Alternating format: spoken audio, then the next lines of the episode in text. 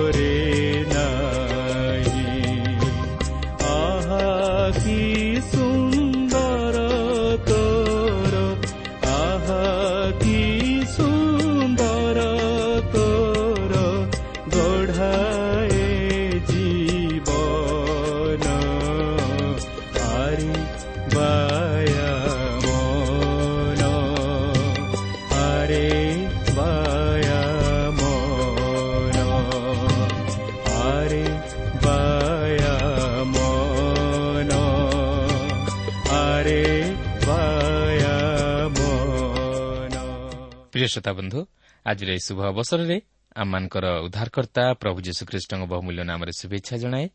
ଆଜିର ଏହି ପଥ ପ୍ରଦର୍ଶିକା କାର୍ଯ୍ୟକ୍ରମକୁ ଆପଣଙ୍କୁ ସ୍ୱାଗତ ଜଣାଏ। ଆପଣଙ୍କର ମତାମତ ନିମନ୍ତେ ବିଶେଷ ଧନ୍ୟବାଦ।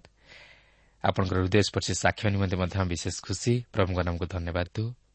ହଁ ଯେଉଁମାନେ ପ୍ରଭୁ ଯୀଶୁଙ୍କଠାରେ ବିଶ୍ୱାସ କରନ୍ତି ପ୍ରଭୁ ସେମାନଙ୍କ ଜୀବନରେ ଅସାଧ୍ୟ ବିଷୟ ସାଧନ କରନ୍ତି।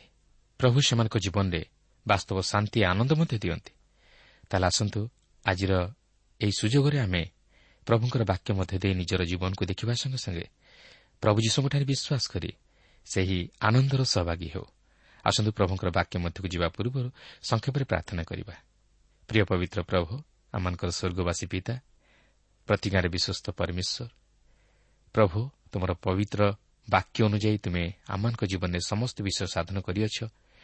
ଧନ୍ୟବାଦ କରୁଅଛି ପ୍ରଭୁ ତୁମେ ପ୍ରଭୁ ଶ୍ରୋତାବନ୍ଧୁମାନଙ୍କର ପ୍ରାର୍ଥନା ଶୁଣି ସେମାନଙ୍କୁ ଉତ୍ତର ଦେଇଅଛ। ହଁ ପ୍ରଭୁ ଆଉ ଯେଉଁମାନେ ଆଜି ତୁମଠାରୁ ସାହାଯ୍ୟ ଭିକ୍ଷାର ଅପେକ୍ଷାରେ ଅଛନ୍ତି ପ୍ରଭୁ ତୁମେ ସେମାନଙ୍କୁ ସାହାଯ୍ୟ କର। ତୁମେ ସେମାନଙ୍କ ଦୁଃଖ ଦୂର କର। ତୁମେ ସେମାନଙ୍କର ସମସ୍ୟା ସମାଧାନ କର। ତୁମେ ସେମାନଙ୍କୁ ସେମାନଙ୍କ ରୋଗରୁ ସୁସ୍ଥତା ଦିଅ। ପ୍ରଭୁ ତୁମେ ଗୌର ମହିମା ପୂଜା ପ୍ରଶଂସା ପାଅ। ଏହି ସମସ୍ତ ପ୍ରାର୍ଥନା ପ୍ରିୟ ପ୍ରଭୁ ଯୀଶୁଙ୍କ ନାମରେ ଏହି ଅଳ୍ପ ଭିକ୍ଷା ମାଗୁଅଛୁ।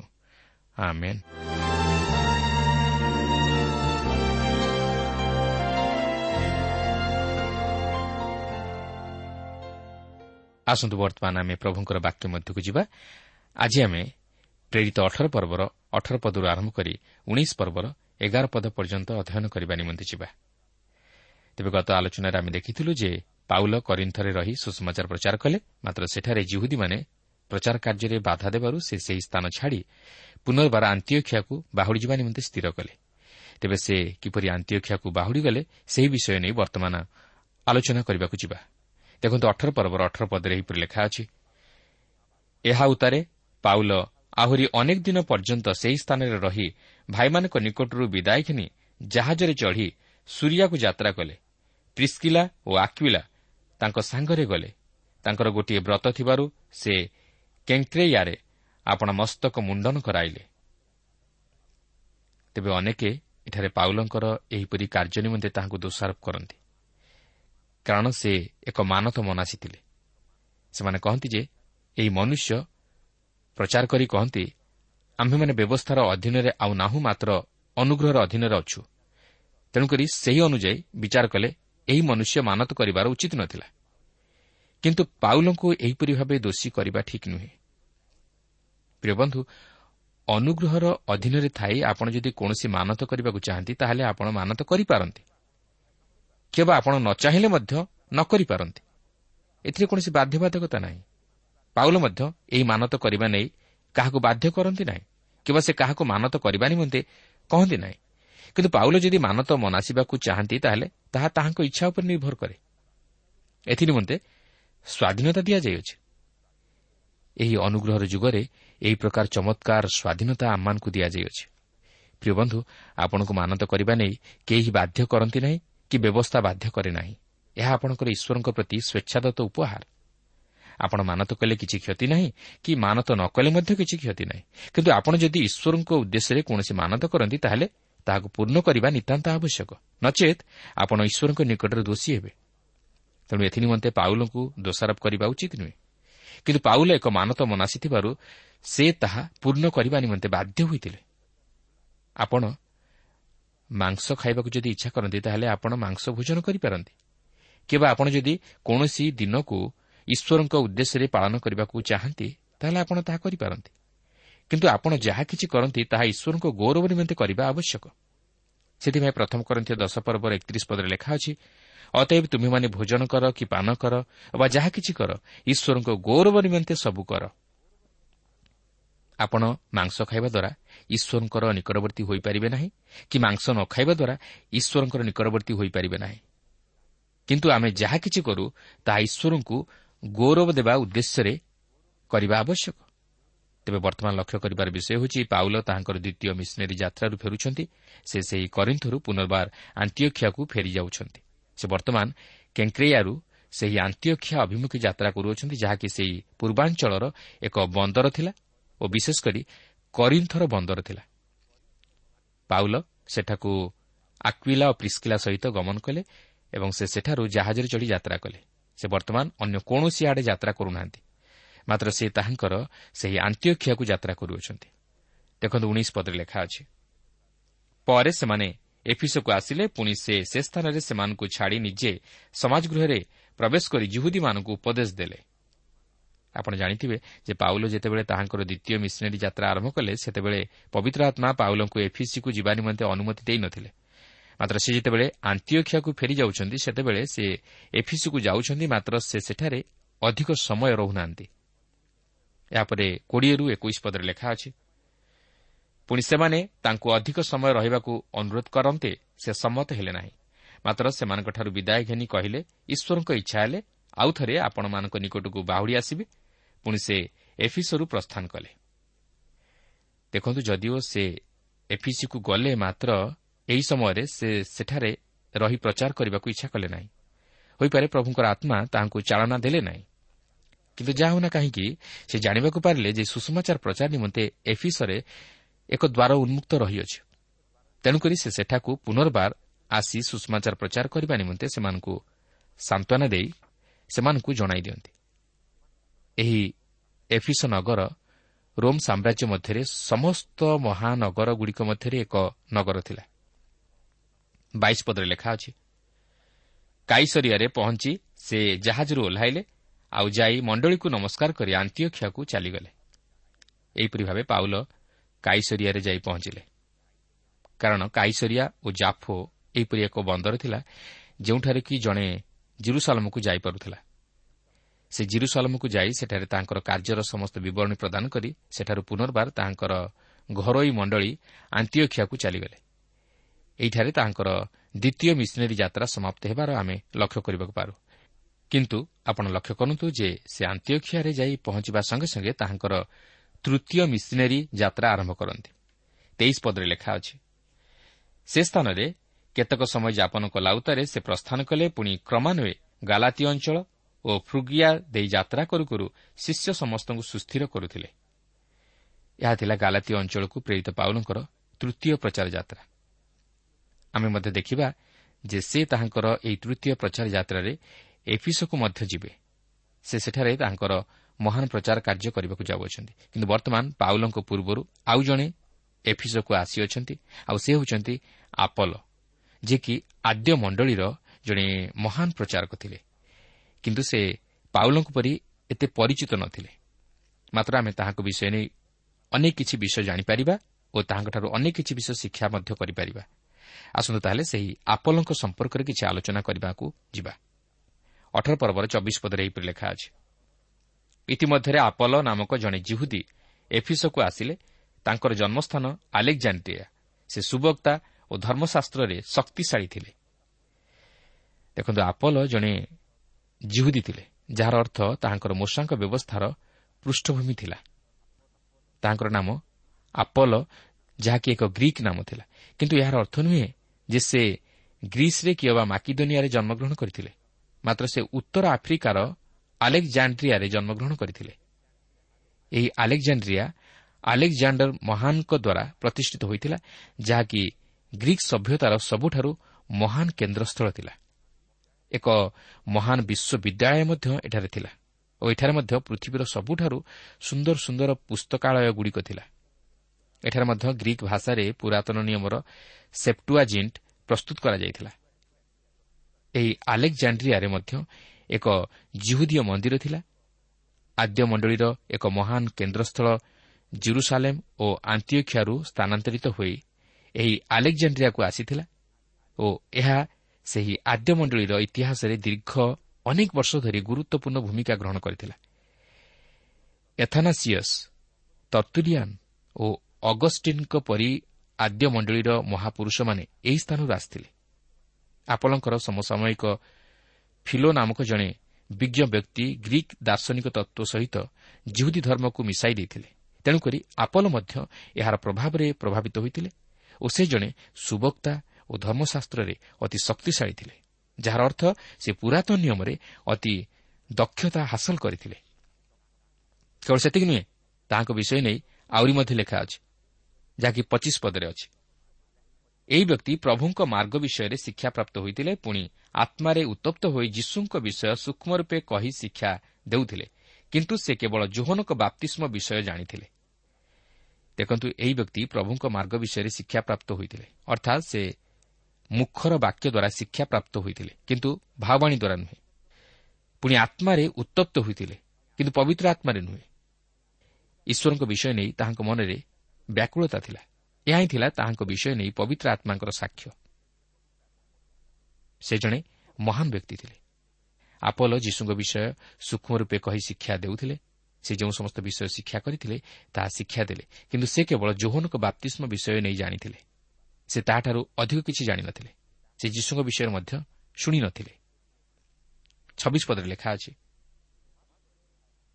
ସେ ସମାଜ ଗୃହରେ ସାହସ ସହିତ କଥା କହିବାକୁ ଲାଗିଲେ କିନ୍ତୁ ପ୍ରିସ୍କିଲା ଓ ଆକ୍ୟୁଲା ତାଙ୍କ କଥା ଶୁଣି ତାଙ୍କୁ ଆପଣାମାନଙ୍କ ସାଙ୍ଗରେ ରଖି ଅଧିକ ସୂକ୍ଷ୍ମ ରୂପେ ଈଶ୍ୱରଙ୍କ ମାର୍ଗ ବିଷୟ ତାଙ୍କୁ ବୁଝାଇ ଦେଲେ। ଏଠାରେ ଆମେ ଆକ୍ୟୁଲା ଓ ପ୍ରିସ୍କିଲାଙ୍କୁ ଦେଖୁ ଯେଉଁମାନେ କି ଆପଲଙ୍କୁ ପ୍ରଭୁ ଯୀଶୁଙ୍କ ବିଷୟରେ ଅଧିକ କିଛି ଶିକ୍ଷା ଦେବା ନିମନ୍ତେ ତାହାଙ୍କୁ ସେମାନଙ୍କ ସଙ୍ଗରେ ରଖି ପ୍ରଭୁ ଯୀଶୁଙ୍କ ବିଷୟରେ କହିଲେ। କାରଣ ଆପଲ ଯେତିକି ଜାଣିଥିଲେ ତାହା ଯଥେଷ୍ଟ ନଥିଲା। ସତୀଶ ପଦରେ ଲେଖା ଅଛି ସେ ଆଖାୟ ଦେଶକୁ ଯିବା ପାଇଁ ଇଚ୍ଛା କରିବାରୁ ଭାଇମାନେ ତାଙ୍କୁ ଉତ୍ସାହ ଦେଇ ତାଙ୍କୁ ଗ୍ରହଣ କରିବା ନିମନ୍ତେ ଶିଷ୍ୟମାନଙ୍କୁ ଲେଖିଲେ। ସେ ସେଠାରେ ଉପସ୍ଥିତ ହୋଇ ଯେଉଁମାନେ ବିଶ୍ୱାସ କରିଥିଲେ ଈଶ୍ୱରଙ୍କ ଅନୁଗ୍ରହ ଦ୍ୱାରା ସେମାନଙ୍କର ବହୁତ ଉପକାର କଲେ। ଆପଲ ଜଣେ ବିଦ୍ୱାନ ବ୍ୟକ୍ତି ଥିଲେ। କିନ୍ତୁ ଯେପର୍ଯ୍ୟନ୍ତ ଆକ୍ୱିଲା ଓ ପ୍ରିସ୍କିଲା ତାହାଙ୍କୁ ସେମାନଙ୍କ ଗୃହକୁ ନେଇ ପ୍ରଭୁ ଯୀଶୁଙ୍କ ବିଷୟରେ ଅଧିକ ଶିକ୍ଷା ଦେଇନଥିଲେ ସେ ପର୍ଯ୍ୟନ୍ତ ସେ ଈଶ୍ୱରଙ୍କ ଅନୁଗ୍ରହର ସୁଷମାଚାର ବିଷୟରେ ଅବଗତ ହୋଇପାରିନଥିଲେ ଏଠାରେ ଆମେ ଏକ ନୂତନ ବିଷୟ ଲକ୍ଷ୍ୟ କରୁଅଛୁ ଯେ ଜଣେ ସ୍ତ୍ରୀ ଲୋକ ଜଣେ ପ୍ରଚାରକଙ୍କୁ ବିଶେଷ ଭାବେ ସାହାଯ୍ୟ କଲେ। ସେହି ସ୍ତ୍ରୀ ଲୋକ ମଧ୍ୟ ତାହାଙ୍କୁ କେତେକ ବିଷୟ ଶିକ୍ଷା ଦେଲେ ଯାହାକି ସେ ଜାଣିନଥିଲେ ଅଠେଇଶ ପଦରେ ଲେଖା ଅଛି କାରଣ ଯୀଶୁ ଯେ ଖ୍ରୀଷ୍ଟ ଏହା ଧର୍ମଶାସ୍ତ୍ର ଦ୍ୱାରା ପ୍ରମାଣ କରି ସେ ପ୍ରକାଶ୍ୟରେ ଶକ୍ତି ସହିତ ଜିହୁଦୀମାନଙ୍କର ଯୁକ୍ତି ସବୁ ଖଣ୍ଡନ କରିବାକୁ ଲାଗିଲେ। ଦେଖନ୍ତୁ ପ୍ରଭୁ ଯୀଶୁ ଯେ ଖ୍ରୀଷ୍ଟ ଏହା ଧର୍ମଶାସ୍ତ୍ର ଦ୍ୱାରା ପ୍ରମାଣିତ କରି ସେ ପ୍ରକାଶ୍ୟରେ ଜିହୁଦୀମାନଙ୍କର ଯୁକ୍ତି ସବୁକୁ ଖଣ୍ଡନ କରୁଥିଲେ। ଯାହା ଜଣାଯାଏ ପୁରାତନ ନିୟମ ଉପରେ ସେ ଗଭୀର ଜ୍ଞାନ ଆହରଣ କରିଥିଲେ। ସେ ବାପ୍ତିଜକ ଜୋହନଙ୍କ ପ୍ରଚାର ଦ୍ୱାରା ପୁରାତନ ନିୟମର ବିଷୟ ସବୁକୁ ଜାଣିବାକୁ ପାରିଥିଲେ ଓ ଶିକ୍ଷା ମଧ୍ୟ ଗ୍ରହଣ କରିଥିଲେ। ତାହା ନ ହୋଇଥିଲେ ସେ ଏତେ ଦୂର ଦୃଢ଼ତାର ସହିତ ଜିହୁଦୀମାନଙ୍କ ନିକଟରେ ଖ୍ରୀଷ୍ଟଙ୍କୁ ପ୍ରଚାର କରିପାରି ନ ଥାନ୍ତେ କି ସେମାନଙ୍କର ଯୁକ୍ତି ସବୁକୁ ଖଣ୍ଡନ କରିପାରି ନ ଥାନ୍ତେ କିନ୍ତୁ ସେ ଯୌହନଙ୍କ ବାପ୍ତିସ୍ମର ପରବର୍ତ୍ତୀ ଘଟଣାଗୁଡ଼ିକ ସମ୍ପର୍କରେ ଅବଗତ ନ ଥିଲେ ମାତ୍ର ପ୍ରିସ୍କିଲା ଓ ଆକ୍ୟୁଲା ତାହାଙ୍କୁ ସେମାନଙ୍କ ଗୃହ ମଧ୍ୟକୁ ଆଣି ପ୍ରଭୁ ଯୀଶୁଙ୍କ ବିଷୟରେ ଶିକ୍ଷା ଦେଇ ତାହାଙ୍କୁ ପ୍ରଭୁ ଯୀଶୁଙ୍କ ବିଷୟରେ ଏକ ସ୍ଥିର ଜ୍ଞାନ ପ୍ରଦାନ କରିଥିଲେ ଓ ସେ ସମ୍ପୂର୍ଣ୍ଣ ଖ୍ରୀଷ୍ଟଙ୍କର ହୋଇଥିଲେ। ତାପରେ ସେ ଆଖାୟ ଅଞ୍ଚଳକୁ ଗଲେ ଓ ଗ୍ରୀସ୍ କରିନ୍ଥ ଓ ଆଥିନିରେ ଥିବା ମଣ୍ଡଳୀଗୁଡ଼ିକୁ ପରିଦର୍ଶନ କରି ପ୍ରଭୁ ଯୀଶୁଖ୍ରୀଷ୍ଟଙ୍କୁ ମସିହ ଓ ଉଦ୍ଧାରକର୍ତ୍ତା ରୂପେ ପ୍ରଚାର କରିବାକୁ ଲାଗିଲେ। ଏହା ହିଁ ଥିଲା ଆପଲଙ୍କର ପ୍ରଚାର କାର୍ଯ୍ୟ। ପ୍ରିୟ ବନ୍ଧୁ ପ୍ରଭୁ ଯୀଶୁଖ୍ରୀଷ୍ଟ ଯେ ଉଦ୍ଧାରକର୍ତ୍ତା ଏହା କ'ଣ ଆମେ ବିଶ୍ୱାସ କରୁ କି?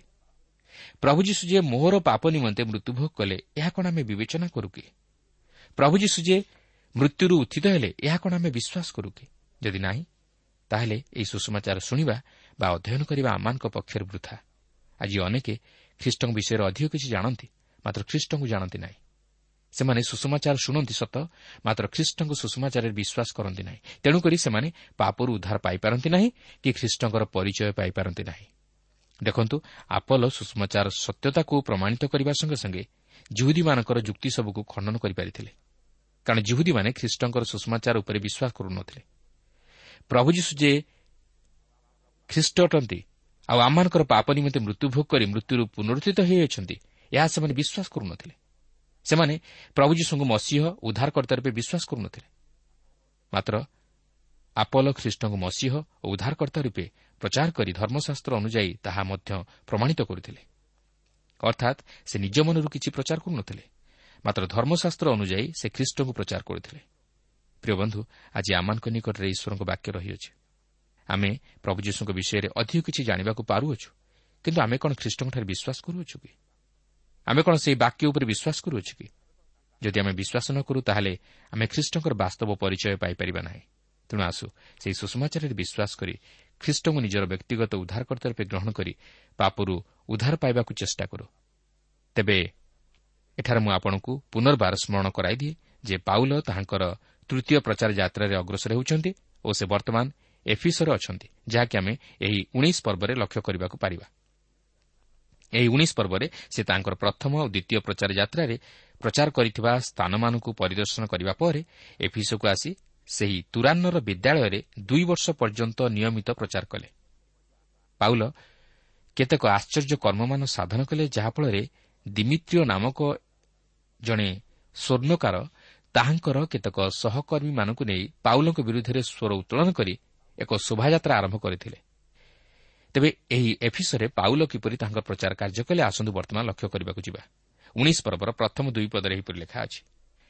ଆପଲ କରିନ୍ଥରେ ଥିବା ସମୟରେ ପାଉଲ ପୂର୍ବ ଅଞ୍ଚଳ ଦେଇ ଯାତ୍ରା କରି ଏଫିସ ନଗରକୁ ଆସି କେତେକ ଶିଷ୍ୟଙ୍କ ଦେଖା ପାଇଲେ। ସେ ସେମାନଙ୍କୁ ପଚାରିଲେ ବିଶ୍ୱାସ କରିବା ସମୟରେ କ'ଣ ତୁମାନେ ପବିତ୍ର ଆତ୍ମାଙ୍କୁ ପାଇଥିଲ? ସେମାନେ ତାଙ୍କୁ ଉତ୍ତର ଦେଲେ ନା ପବିତ୍ର ଆତ୍ମା ଯେ ଦତ୍ତ ହୋଇଅଛନ୍ତି ତାହା ସୁଦ୍ଧା ଆମମାନେ ଶୁଣିନାହୁଁ ଆପଣଙ୍କର ମନେଥିବ ଯେ ପାଉଲ ତାଙ୍କର ଦ୍ୱିତୀୟ ପ୍ରଚାର ଯାତ୍ରାରୁ ଫେରିବା ସମୟରେ ଏଫିସ ମଧ୍ୟ ଦେଇ ଫେରିଆସିଥିଲେ କିନ୍ତୁ ସେ ସେହି ସମୟରେ ଏଫିସରେ ରହି ପ୍ରଚାର କରିନଥିଲେ। କିନ୍ତୁ ସେ ସେମାନଙ୍କୁ କହିଥିଲେ ଈଶ୍ୱରଙ୍କ ଇଚ୍ଛା ଥିଲେ ମୁଁ ପୁନର୍ବାର ତୁମମାନଙ୍କ ନିକଟକୁ ଆସିବି। ଆଉ ବର୍ତ୍ତମାନ ସେ ଏଫିସକୁ ଫେରିଆସିଛନ୍ତି କିନ୍ତୁ ସେ ଆସିବା ପୂର୍ବରୁ ଆପଲ ଆସି ମଧ୍ୟ ପ୍ରଚାର କରିସାରିଥିଲେ। କିନ୍ତୁ ପାଉଲା ଆସିବା ସମୟରେ ଆପଲ ସେହି ସ୍ଥାନରେ ନଥିଲେ।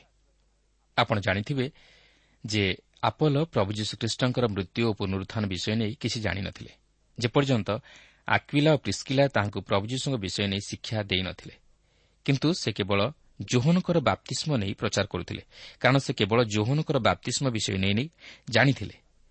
ଫଳତଃ ଯେଉଁ ଲୋକମାନେ ତାହାଙ୍କର ପ୍ରଚାର ଶୁଣୁଥିଲେ ସେମାନେ କେବଳ ଜୋହନଙ୍କର ବାପ୍ତିଷ୍ମ ବିଷୟ ନେଇ ଶୁଣୁଥିଲେ ଓ ଶିକ୍ଷା ପାଇଥିଲେ। କିନ୍ତୁ ପବିତ୍ର ଆତ୍ମାଙ୍କ ବିଷୟରେ କିଛି ଶୁଣିନଥିଲେ କି ଜାଣିନଥିଲେ। ତେଣୁକରି ପାଉଲ ସେମାନଙ୍କୁ ପଚାରିଥିଲେ ବିଶ୍ୱାସ କରିବା ସମୟରେ କ'ଣ ତୁମାନେ ପବିତ୍ର ଆତ୍ମାଙ୍କୁ ପାଇଥିଲ? କିନ୍ତୁ ସେମାନଙ୍କର ଉତ୍ତର ଥିଲା ନାହିଁ। ପବିତ୍ର ଆତ୍ମା ଯିଏ ଅଛନ୍ତି ତାହା ସୁଦ୍ଧା ଆମମାନେ ଶୁଣିନାହୁଁ। କାରଣ ସେମାନେ ପବିତ୍ର ଆତ୍ମାଙ୍କ ବିଷୟରେ ଶୁଣିନଥିଲେ କିନ୍ତୁ କେବଳ ଜୋହନଙ୍କ ବାପ୍ତିଷ୍ମ ବିଷୟରେ ଶୁଣିଥିଲେ। ସେମାନେ ପ୍ରଭୁ ଯୀଶୁଖ୍ରୀଷ୍ଟଙ୍କ ବିଷୟରେ ମଧ୍ୟ ଶୁଣିନଥିଲେ କି କିଛି ଶିକ୍ଷା କରିନଥିଲେ ଏପରିକି ସେହି ପେଣ୍ଟିକଷ୍ଟ ବିଷୟ ନେଇ ମଧ୍ୟ କିଛି ଜାଣିନଥିଲେ ଏହାପରେ ଉଣେଇଶ ପର୍ବର ତିନି ପଦରେ ଲେଖା ଅଛି ତେଣୁ ସେ ପଚାରିଲେ ତେବେ ତୁମେମାନେ କାହିଁରେ ବାପ୍ତିଜିତ ହୋଇଥିଲ? ସେମାନେ କହିଲେ ଜୋହନଙ୍କ ବାପ୍ତିଷ୍ମରେ ଆପଣ ଦେଖନ୍ତୁ ଏହି ଲୋକମାନେ ବାପ୍ତିଷ୍ଠ ହୋଇଥିଲେ ମାତ୍ର ସେମାନେ ଉଦ୍ଧାର ପାଇନଥିଲେ। ସେମାନେ ପବିତ୍ର ଆତ୍ମାକୁ ଗ୍ରହଣ କରିନଥିଲେ ଯେହେତୁ ସେମାନେ ଉଦ୍ଧାର ପାଇନଥିଲେ। ପ୍ରିୟ ବନ୍ଧୁ ଯେଉଁ ମୁହୂର୍ତ୍ତରେ ଆପଣ ପ୍ରଭୁ ଯୀଶୁଖ୍ରୀଷ୍ଟଙ୍କଠାରେ ବିଶ୍ୱାସ କରନ୍ତି ସେହି ମୁହୂର୍ତ୍ତରେ ଆପଣ ପବିତ୍ର ଆତ୍ମାଙ୍କ ଦ୍ୱାରା ନୂତନୀକୃତ ହୁଅନ୍ତି ଓ ପବିତ୍ର ଆତ୍ମାଙ୍କ ଦ୍ୱାରା ଅଧିକୃତ ହୁଅନ୍ତି।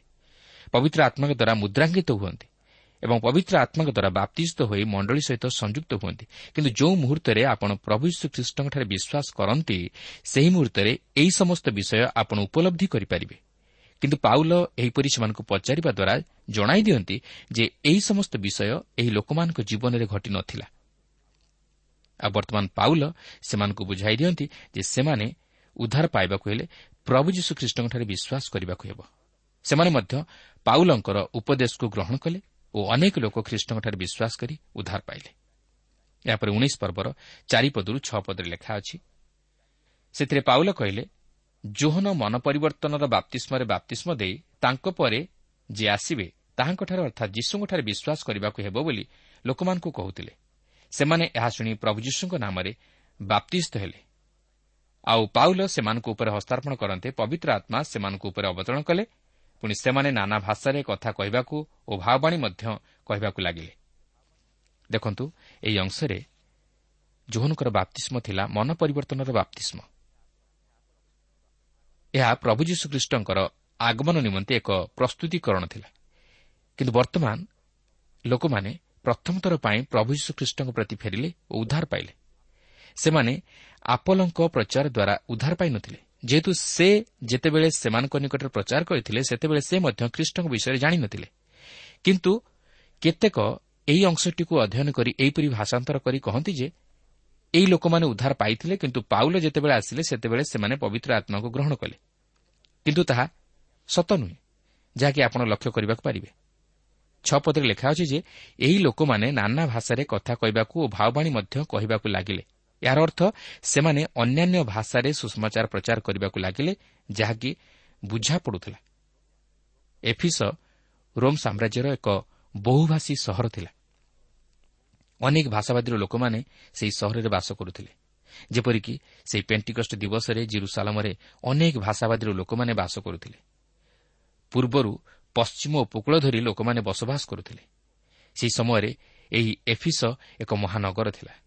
ଏହି ଲୋକମାନେ ବର୍ତ୍ତମାନ ସମଗ୍ର ସହରରେ ସୁଷମାଚାର ପ୍ରଚାର କରିବା ନିମନ୍ତେ ସମର୍ଥ ହୋଇପାରିଥିଲେ ଓ ପ୍ରତ୍ୟେକ ଭାଷାବାଦୀର ଲୋକେ ସେହି ସୁଷମାଚାର ଶୁଣିବା ଓ ବୁଝିବା ନିମନ୍ତେ ସୁଯୋଗ ପାଇଥିଲେ।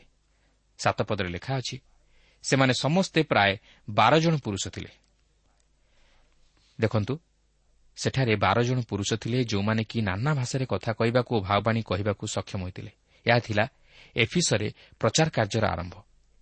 ପାଉଲ କରିନ୍ଥରେ ମହାନ ପ୍ରଚାର କାର୍ଯ୍ୟ ଆରମ୍ଭ କରିଥିଲେ ଓ ଏହି ଏଫିସରେ ମଧ୍ୟ ତାହାଠାରୁ ଅଧିକ ମହାନ କାର୍ଯ୍ୟ ସାଧିତ ହେବାକୁ ଲାଗିଲା। ଉଣେଇଶ ପର୍ବର ଆଠରୁ ଦଶ ପଦରେ ଲେଖା ଅଛି ପରେ ସେ ସମାଜଗୃହରେ ପ୍ରବେଶ କରି ତିନି ମାସ ପର୍ଯ୍ୟନ୍ତ ସାହସ ସହିତ ଈଶ୍ୱରଙ୍କ ରାଜ୍ୟ ବିଷୟରେ ଉପଦେଶ ଦେଇ ବିଶ୍ୱାସ ଜନ୍ମାଇବାକୁ ଚେଷ୍ଟା କରିବାକୁ ଲାଗିଲେ। କିନ୍ତୁ ଯେତେବେଳେ କେତେକ ଲୋକ କଠିନ ଓ ଅବାଧ୍ୟ ହୋଇ ଲୋକସମୂହ ସାକ୍ଷାତରେ ସେହି ମାର୍ଗ ବିଷୟରେ ନିନ୍ଦା କରିବାକୁ ଲାଗିଲେ। ସେତେବେଳେ ସେ ସେମାନଙ୍କୁ ପରିତ୍ୟାଗ କରି ଶିଷ୍ୟମାନଙ୍କୁ ପୃଥକ କଲେ ଆଉ ପ୍ରତିଦିନ ତୁରାନ୍ନର ବିଦ୍ୟାଳୟରେ ଉପଦେଶ ଦେବାକୁ ଲାଗିଲେ। ଏହିପରି ଦୁଇ ବର୍ଷ ପର୍ଯ୍ୟନ୍ତ ଚାଲିଲା। ସେଥିରେ ଆସିଆ ନିବାସୀ ଜିହୁଦୀ ଓ ଗ୍ରୀକ୍ ସମସ୍ତେ ପ୍ରଭୁଙ୍କ ବାକ୍ୟ ଶ୍ରବଣ କଲେ। ଦେଖନ୍ତୁ ପାଉଲଙ୍କୁ ସେହି ସମାଜଗୃହ ପରିତ୍ୟାଗ କରିବାକୁ ଥିଲା କାରଣ ତାହାଙ୍କ ପ୍ରତି ବିଶେଷ ତାଡ଼ନା ଘଟିଲା ଓ ସୁଷମାଚାର ପ୍ରଚାରରେ ପ୍ରତିବନ୍ଧକ ଉପୁଜିଲା। ତେଣୁକରି ସେ ସେହି ସ୍ଥାନ ପରିତ୍ୟାଗ କରି ତୁରାନ୍ନର ବିଦ୍ୟାଳୟରେ ପ୍ରତିଦିନ ଉପଦେଶ ଦେବାକୁ ଲାଗିଲେ ଯେଉଁଠାରେ କି ଦୁଇ ବର୍ଷ ପର୍ଯ୍ୟନ୍ତ ପ୍ରଚାର କରିଦେଲେ। ତେବେ ଏହି ତୁରାନ୍ନର ବିଦ୍ୟାଳୟ କ'ଣ ଥିଲା? ଏହା ଏପରି ଏକ ବିଦ୍ୟାଳୟ ଥିଲା ଯାହାକି ଏଫିସିଓମାନଙ୍କ ନିମନ୍ତେ ପରିଚାଳିତ ହେଉଥିଲା। ଏହି ବିଦ୍ୟାଳୟରେ ସମ୍ଭବତଃ ପ୍ରାୟ ଦୁଇ ତିନି ଘଣ୍ଟା ଧରି ମଧ୍ୟାହ୍ନ ବିରତି ରଖାଯାଉଥିଲା। ମୁଁ ଭାବୁଛି ପାଉଲ ତହିଁର ସୁଯୋଗ ନେଇ ସେହି ମଧ୍ୟାହ୍ନ ସମୟରେ ଈଶ୍ୱରଙ୍କ ବାକ୍ୟ ପ୍ରଚାର କରୁଥିଲେ। ଆଉ ଏହିପରି ଭାବେ ସେ ଦୁଇ ବର୍ଷ ଧରି ସେହି ପ୍ରକାର ପ୍ରଚାର କଲେ। ଫଳତଃ ଏସିଆର ସମସ୍ତ ରାଜ୍ୟ ଈଶ୍ୱରଙ୍କ ବାକ୍ୟ ଶୁଣିବାର ସୁଯୋଗ ପାଇଲେ। ଜିହୁଦୀ ଓ ଗ୍ରୀକ୍ ସମସ୍ତେ ଈଶ୍ୱରଙ୍କ ବାକ୍ୟ ଶୁଣିଲେ। ସେହିଦିନମାନଙ୍କରେ ଈଶ୍ୱରଙ୍କ ବାକ୍ୟ କିପରି ବହୁଳ ଭାବରେ ପ୍ରଚାରିତ ହେଉଥିଲା ଏଥିରୁ ତହିଁର ସୂଚନା ମିଳେ। ଦୀର୍ଘ ଦୁଇ ବର୍ଷ ଧରି ଏହି ତୁରାନ୍ନର ବିଦ୍ୟାଳୟରେ ପ୍ରଚାର କରିବାର ଫଳସ୍ୱରୂପେ କଲସୀୟ ମଣ୍ଡଳୀ ସ୍ଥିତିବାନରେ ପରିଣତ ହୋଇଥିଲା। ପାଉଲ ରୋମିଓ ମଣ୍ଡଳୀକୁ ପରିଦର୍ଶନ କରିବା ପୂର୍ବରୁ ଯେପରି ଏକ ପତ୍ର ଦେଇଥିଲେ ସେହିପରି ଏହି କଲସୀୟ ମଣ୍ଡଳୀକୁ ପରିଦର୍ଶନ କରିବା ପୂର୍ବେ ସେ ଏକ ପତ୍ର ମଧ୍ୟ ଲେଖିଥିଲେ। କିନ୍ତୁ ତଥାପି ସେ ସେହି ମଣ୍ଡଳୀଗୁଡ଼ିକର ପ୍ରତିଷ୍ଠାତା ଥିଲେ। କିନ୍ତୁ ଏହା କିପରି ସମ୍ଭବ ହେଲା? ସରଳ ଭାବେ ବୁଝିବାକୁ ଗଲେ ସେହି ତୁରାନ୍ନର ବିଦ୍ୟାଳୟରୁ ସୁଷମାଚାର ପ୍ରଚାରିତ ହୋଇଥିଲା ଓ ବିଭିନ୍ନ ଅଞ୍ଚଳକୁ ବ୍ୟାପି ଯାଇଥିଲା ଏହାପରେ ଏଗାର ପଦରେ ଲେଖା ଅଛି ପୁଣି ଈଶ୍ୱର ପାଉଲଙ୍କ ହସ୍ତ ଦ୍ୱାରା ଅସାମାନ୍ୟ ଶକ୍ତିର କାର୍ଯ୍ୟ ସାଧନ କରୁଥିଲେ। ଏହା ହିଁ ଥିଲା ପ୍ରେରିତ ପାଉଲଙ୍କର ପରିଚୟ ପତ୍ର ସେ ଯେ ଈଶ୍ୱରଙ୍କର ପ୍ରେରିତ ବ୍ୟକ୍ତି ଏହା ଏଥିରୁ ଜଣାଯାଉଥିଲା। ଈଶ୍ୱର ପାଉଲଙ୍କର ହସ୍ତ ଦ୍ୱାରା ତାହାଙ୍କର ଶକ୍ତିର କାର୍ଯ୍ୟମାନ ସାଧନ କରୁଥିଲେ। ଈଶ୍ୱର ପାଉଲଙ୍କୁ ଏକ ଅସ୍ତ୍ର ରୂପେ ବ୍ୟବହାର କରୁଥିଲେ। ପାଉଲ ମଧ୍ୟ ସେହି ଦାନକୁ ଈଶ୍ୱରଙ୍କର ଗୌରବ ନିମନ୍ତେ ବ୍ୟବହାର କରୁଥିଲେ ଓ ସୁଷମାଚାରର ସତ୍ୟତାକୁ ପ୍ରମାଣିତ କରି ଅନେକଙ୍କୁ ପ୍ରଭୁ ଯୀଶୁଙ୍କର ନିକଟବର୍ତ୍ତୀ କରାଉଥିଲେ। ଏହି ଏଫିସ ଏକ ମହାନ ଧର୍ମପୀଠ ଥିଲା। ସମ୍ଭବତଃ ଆଥିନି କିମ୍ବା ଅନ୍ୟ କୌଣସି ସ୍ଥାନ ଅପେକ୍ଷା ଏହା ଅଧିକ ଥିଲା। ଦିଆନାର ମନ୍ଦିର ମଧ୍ୟ ଏ ସ୍ଥାନରେ ଥିଲା ଓ ଏଥିସଙ୍ଗେ ସଙ୍ଗେ ଏହାର ପୂଜା ଆରାଧନା ମଧ୍ୟ ଶୈତାନିକ ଥିଲା। ତେଣୁ ଏହିପରି ଏକ ସ୍ଥାନରେ ପ୍ରତିବାଧାର ସମ୍ମୁଖୀନ ହେବା ନିମନ୍ତେ ଓ ତହିଁରେ ବିଜୟୀ ହେବା ନିମନ୍ତେ ଈଶ୍ୱର ପାଉଲଙ୍କୁ ଏକ ବିଶେଷ ଶକ୍ତିର କାର୍ଯ୍ୟ ସାଧନ କରିବା ନିମନ୍ତେ ଶକ୍ତି ପ୍ରଦାନ କରିଥିଲେ। ଯାହାକି ଆମେ ପରବର୍ତ୍ତୀ ଅଂଶରେ ଆଲୋଚନା କରିବା ନିମନ୍ତେ ଯିବା। ପ୍ରଭୁ ପ୍ରତ୍ୟେକଙ୍କୁ ଏହି ସଂକ୍ଷିପ୍ତ ଆଲୋଚନା ମଧ୍ୟ ଦେଇ ଆଶୀର୍ବାଦ କରନ୍ତୁ।